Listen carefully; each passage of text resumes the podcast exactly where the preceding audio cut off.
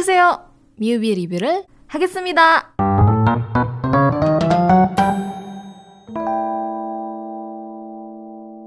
Sekarang waktunya kita ngapain on Review movie. movie apa tadi ya? Ada satu buah movie judulnya adalah Concrete Utopia. Ini tuh satu buah movie yang diadaptasi dari webcomic judulnya adalah Yuk Wehan Iwut.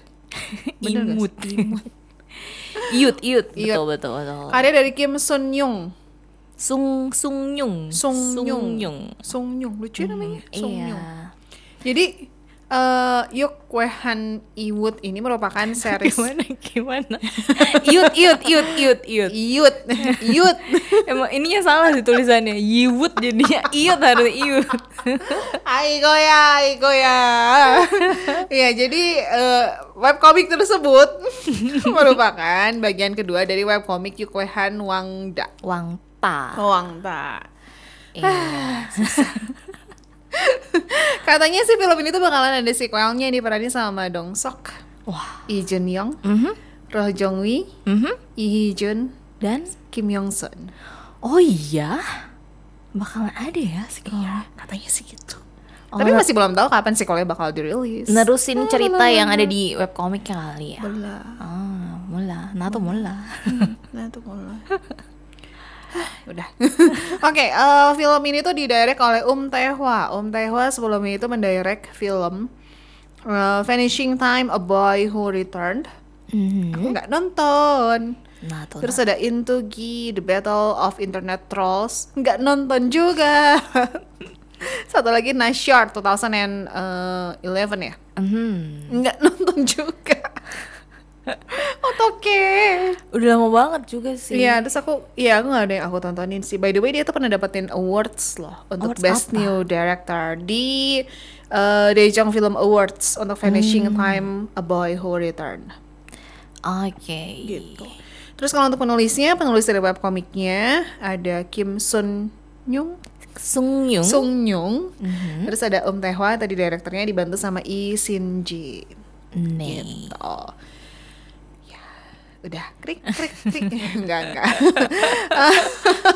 Film ini secara garis besar itu nyeritain tentang sebuah bencana gempa bumi yang dahsyat sekali yang meluluh lantahkan Korea Selatan ceritanya. Wah ini bener-bener loh lantahnya udah kayak abis kayak mau kiamat gitu ya. Hmm, Bener-bener banget. tidak terlihat ada kehidupan gitu di tempat lain. Betul. Nah sampai eh, saking gedenya sampai semua tuh hancur bener-bener hancur dan cuma satu yang tersisa, which is ini adalah satu apartemen yang masih berdiri. Namanya tuh apartemen Gateway, bukan? namanya Waduh. apartemen Hwanggung. Apartemen. Serem ya. Kalau sampai Gateway, aku jadi langsung lihat kiri kanan nih. Apakah kita tiba-tiba pindah ke Korea Selatan? Pindah. Nggak ya, aman aman. Kita masih aman. Eh, apartemen ini, apartemen Hwanggung ini adalah eh, akhirnya yang dijadikan tempat pengungsian korban bencana yang masih bertahan.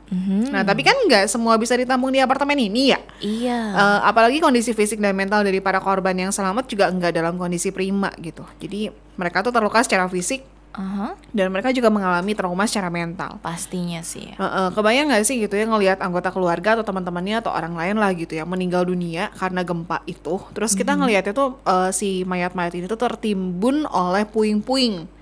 Yang mungkin kita lihat bagian kepalanya, bagian Aduh. tangannya gitu. Karena di filmnya pun memang dikasih lihat gitu. Aha. Belum lagi eh, ketika mereka lagi berusaha untuk menyelamatkan diri, mereka juga harus melewati puing-puing bangunan tersebut dan ada banyak mayat di sana. Aduh. Terus ditambah lagi dengan penyesalan kenapa saya nggak bisa nyelamatin teman saya itu dan akhirnya dia meninggal gitu. Iya, Jadi kayak campur aduk semua jadi satu gitu loh. Hmm, pokoknya semuanya tuh bikin trauma banget Hmm. pasti ya.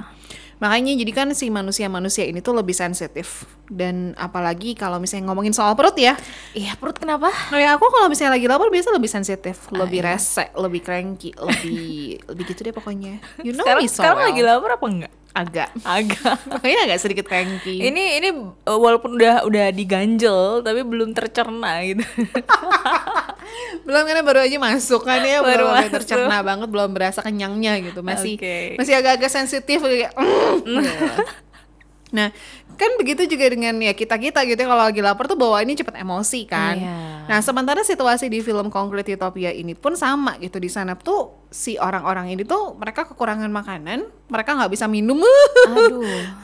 Aku tidak bisa hidup. Iya, itu lebih lebih susah sih ya daripada lapar, Iya, minum gitu, haus gitu. gitu. kan. Jadi kebayangkan orang di sana tuh ya berkali-kali lebih sensitif dan lebih Ah, egois. apalagi cuaca. Bener, cuaca Iya. terus debu di mana-mana. Aduh. Dan di sana kan cer- diceritakan tuh latarnya tuh adalah di musim dingin ya. Hmm. Itu paling susah juga untuk ditahan kan Betul. gitu.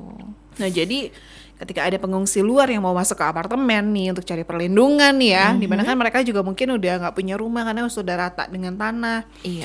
Warga apartemen ini tuh awalnya menolak, tidak bisa, pergi kau ke ujung dunia. Enggak enggak, udah dia nggak nyanyi gitu. Dehidrasi. Nggak harus jauh-jauh ya ke gurun sana kalau itu ya. Kalau situasinya seperti itu di depan apartemen pun bisa dehidrasi. Iya iya karena udah ini ya intinya makanya diusir karena kan pasti si warga apartemen juga khawatir sama keselamatan mereka sendiri kan. Iya. Ditambah lagi perlu diingat kalau eh, ada beberapa orang di film ini tuh diceritain kalau mereka tuh ceritanya tuh orang-orang kelas atas, orang ternama di pemerintahan, Iya. mereka yang tinggal di apartemen mewah. Jadi tuh mereka masih punya feel kayak eh gue tuh dulu orang penting loh, harus diduluin Iya, dong iya. gitu. Yang stratanya di atas mereka gitu ya, karena Padahal- punya jabatan dan segala macamnya. Di kondisi after bencana kayak gini kan pasca bencana gini ya seharusnya yang diduluin tuh orang yang sekarat kan, yang lebih membutuhkan gitu. Bukan berdasarkan dulu kerja apa, penyiar ya, hmm, gitu. Enggak, enggak gitu, enggak ya. Oh gitu. Atau dulu punya apa, punya mobil tipe apa gitu, hmm, enggak juga. Gitu. Dulu HP-nya apa gitu. Iya, maunya plus kan, nggak boleh. Nanti dipanggil sama marketing. Wah. ya pokoknya intinya gitu ketika lagi bencana alam pasca bencana ini kan bukan bukan dipentingin dulu siapa dulu oh CEO dari perusahaan ini oke duluan nggak gitu Iya. tapi siapa yang paling sekarat gitu yang paling membutuhkan nah singkat cerita akhirnya di apartemen satu-satunya itu terjadi kebakaran di lantai bawah lagi kebakarannya tuh Hmm. Nah udah gitu eh di apartemen itu terjadi kebakaran, terus semua pengungsi, semua warga di apartemen itu ketakutan, nggak ada yang berani untuk memadamkan api karena memang itu terjadi ledakan juga kan. Iya sih. Tiba-tiba muncul satu orang dengan gagah berani berusaha untuk memadamkan api. Ya terus Tereret, heboh-heboh sendiri iya. gitu ya. Dia dia bahasnya tuh riweh. Terus semua yang lain tuh cuma ngeliatin dia doang ayo maksain gitu Aku biar bisa. sampai, kamu ngapain? Kayaknya tuh kalau di soundtrack ah, dipakein soundtrack klik klik klik gitu. Aduh ya ampun. Jadi pokoknya ada satu orang yang Mhm. berusaha untuk memadamkan api. Eh, akhirnya eh, ya padam sih. Tapi memang apa yang dia lakukan tuh sebenarnya ya superhero lah ya. Iya, Soalnya pasti. kebayang gak sih kalau misalnya terjadi kebakaran dan terus dibiarkan gitu kan, bisa-bisa satu gedung tuh kebakar hangus ya mereka mau berlindung di mana lagi gitu. Tidak ada harapan lagi kan, Bener. tidak ada tempat untuk berlindung lagi gitu. Bener. Siapakah orang ini? Dia namanya Pak Yong Tak. Katanya sih, katanya guys. guys. Kim Yong Tak. Ah, Kim Yong Tak. Kim Yong Tak. Udah berubah jadi Park katanya. Oh, enggak. Oh, enggak. Kim Di Yong sini Tak. Yong Tak dong. Oh, Oh, Yong Kim Tak Yong dong. Tak. Park aja lah. Kenapa? Gak apa-apa, aku udah nyebutnya Park tadi. Oh, gitu. Pak Nggak mau Kim salah. Yong Tak. Gak mau salah. Jadiin pai gimana? Pak Pak Kim Yong. Oke, Kim Yong Tak. Anggap tadi aku ngomongin Kim Yong Tak ya guys. Tolong, tolong. Tadi ngomongnya Pak Yong Tak. Enggak, enggak. Kim, Bapak. Kim. Salah. Ini gimana sih? Shir deh. Nih gawe. Memasukkan deh. Infinite mana ya? Aduh ya pokoknya si Kim Yeon Tak ini dan katanya guys katanya ya Julid mode on katanya ya. Dia itu katanya penghuni lantai 9 katanya. Oh katanya. cuman aku curiga sih karena gelagatnya tuh ih aneh. Eh dari awal tuh kayak gimana gitu ya sok-sok pahlawan gitu gak sih dari iya awal sosok juga pahlawan gitu. terus begitu ditanya kamu penghuni warga mana? Apartemen nomor berapa? Terus dia kayak bingung gitu sampai akhirnya ada satu orang nih orang ngapain sih nyeplos lagian? Emosi saya si orang ini yang bilang kamu penghuni 902 kan gitu si Yongtaknya iya iya aja Coba kalau misalnya orang itu nggak ada ngomong gitu ya, apa yang akan terjadi? Gitu? Yongtak diem Kalau dia bilang lantai 10 taunya apartemennya cuma sampai lantai 8 kan gawat ya.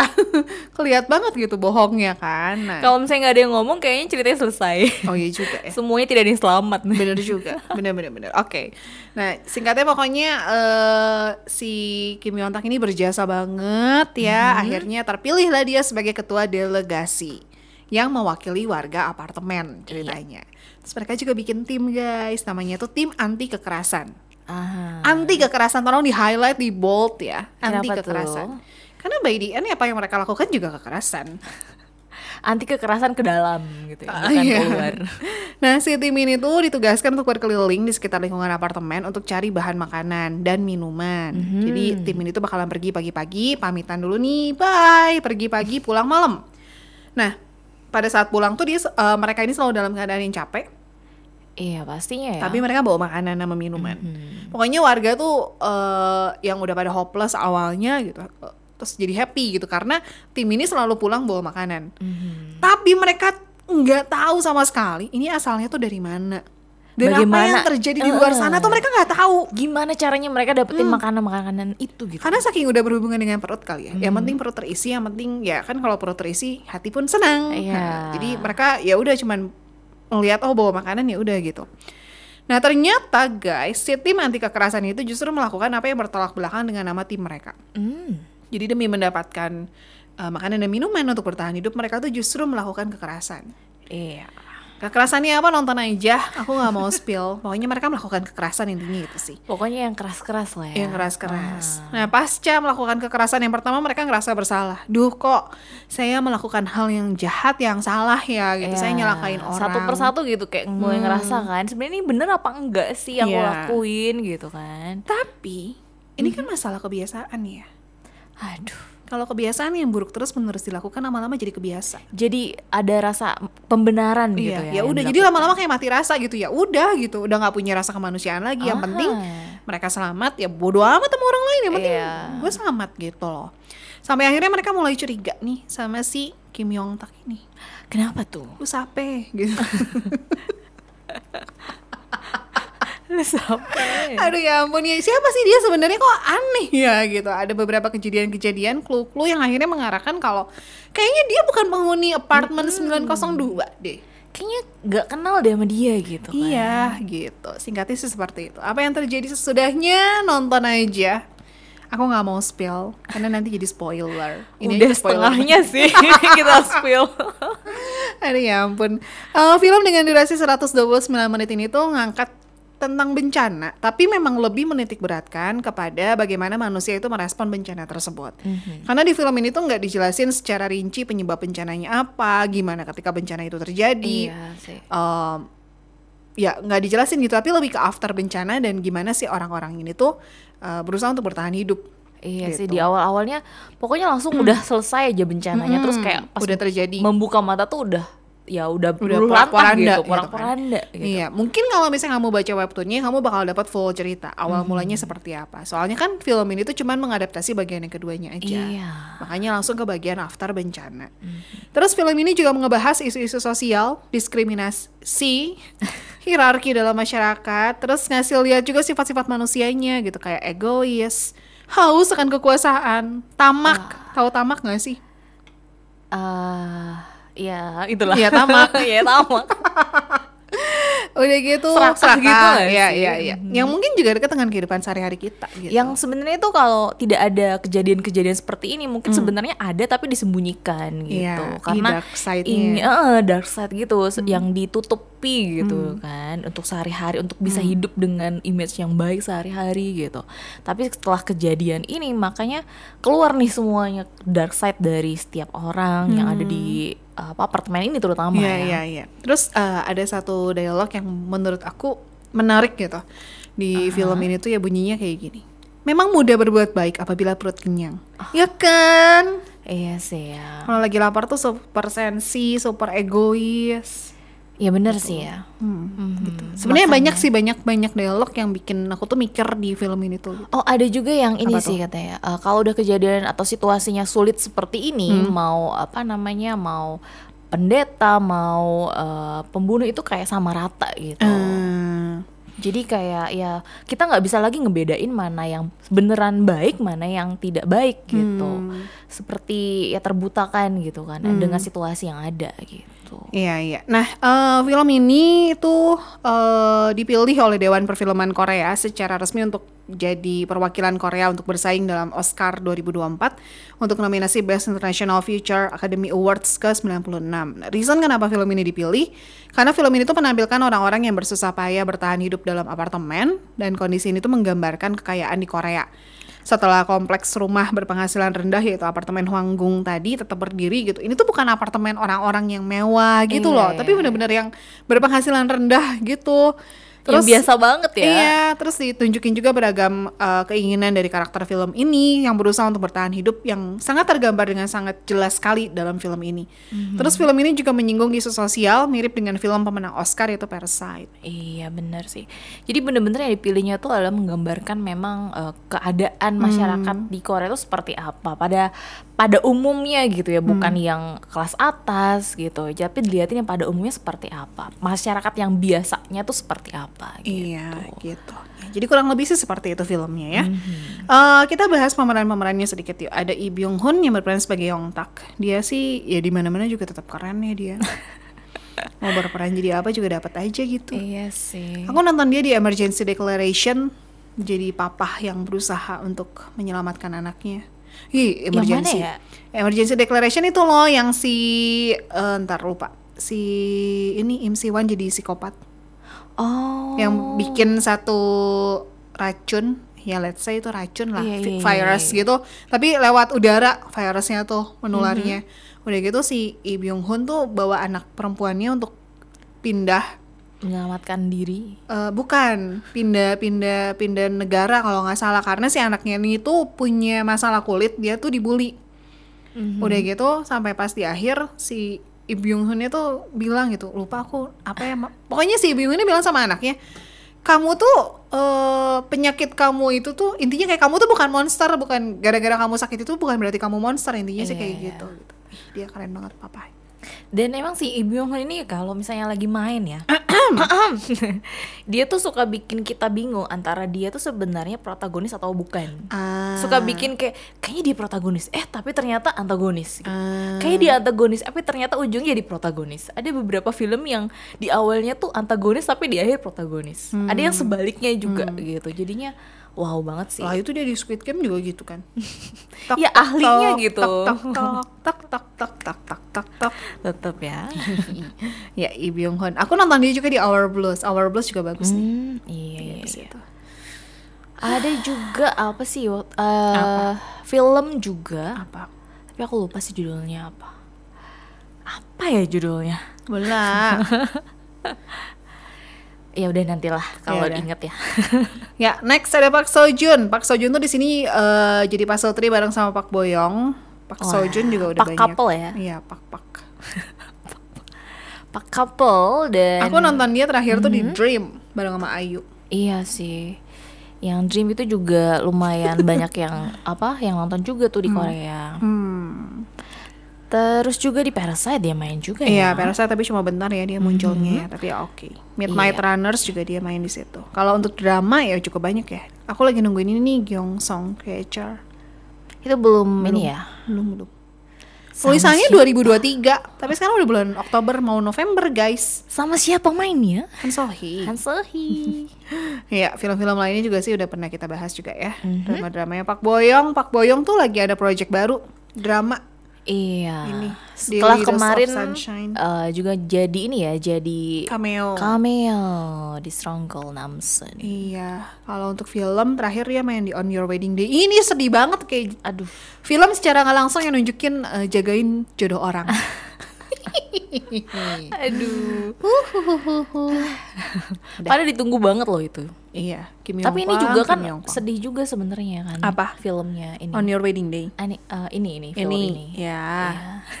ya gitulah, jangan dibocorin. Karena menurut aku agak jadi panjang gitu loh. Hmm. Di tengah-tengah tuh kayak wah, ini sampai kapan kayak gini gitu. Ya aku ngerasa agak bosan sih sebenarnya. Hmm. Gitu, tapi ya udahlah. ya udahlah. Eh, gimana? agak bosan karena ya terlalu panjang gitu. Dan Iya sih. muter di situ-situ aja gitu. Mhm.